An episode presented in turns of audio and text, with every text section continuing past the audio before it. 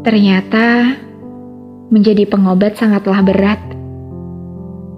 Yang di mana saya selalu berusaha untuk memberinya kebahagiaan, memberinya waktu luang untuk selalu ada bersamanya. Itu tidak mengubah apa pun yang selalu saya harapkan.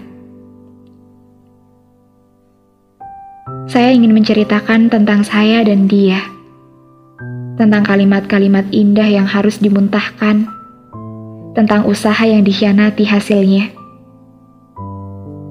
Kisah ini ternyata hanya sebatas teman biasa. Ia tidak akan pernah memiliki perasaan apa pun pada saya.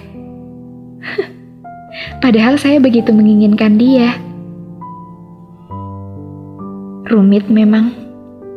Pilunya sangat luar biasa.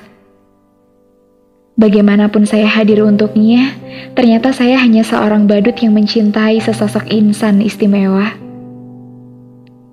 yang di mana memilikinya adalah ketidakmungkinan. Beberapa kali saya mengungkapkan perasaan dengan kode-kodean, semacam bagaimana hari ini? Mengapa tidak ada kabar? Tanpa saya mengerti, seharusnya saya di situ sadar diri ya. Tapi itulah saya. Kadang harapan yang tidak mungkin selalu saya pikirkan menjadi mungkin. Saya pernah mencoba untuk tidak mengabarinya, dengan alasan ingin mengetahui apakah saya akan dikabarinya. Dan ternyata jawabannya adalah semua itu tidak akan pernah mungkin. Sampai pada akhirnya saya berhenti dan memutuskan untuk bersadar diri pada pecahan kaca, pada patahan-patahan ranting tua Seseorang yang saya selalu harapkan menjadi rumah, ternyata dia adalah singgasana yang terlalu mewah untuk saya miliki. Dan kabar itu terdengar di telinga saya.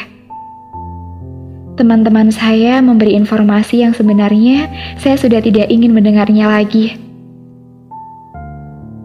Kalau ternyata dia sudah kembali pada pemeran utamanya dan dia juga sudah terlihat bahagia. Itulah saya. Saya kurang sadar akan diri saya sendiri. Bahkan saya ini siapa? Saya hanyalah badut penghibur di saat pemeran utamanya sedang tidak memberinya kabar. Di saat itu, saya sebagai penghibur dibutuhkan. Pemeran pelengkap yang tak mungkin untuk menetap. iya, ini adalah kisah saya. Sebagai badut di saat dunianya sedang merasa gabut. Dan sekarang, saya baru menyadari mengapa tidak dari awal saya cabut. Kenapa? Kenapa saya harus merasa takut untuk kehilangannya? Kalau pada akhirnya, kehilangan itu akan terjadi juga.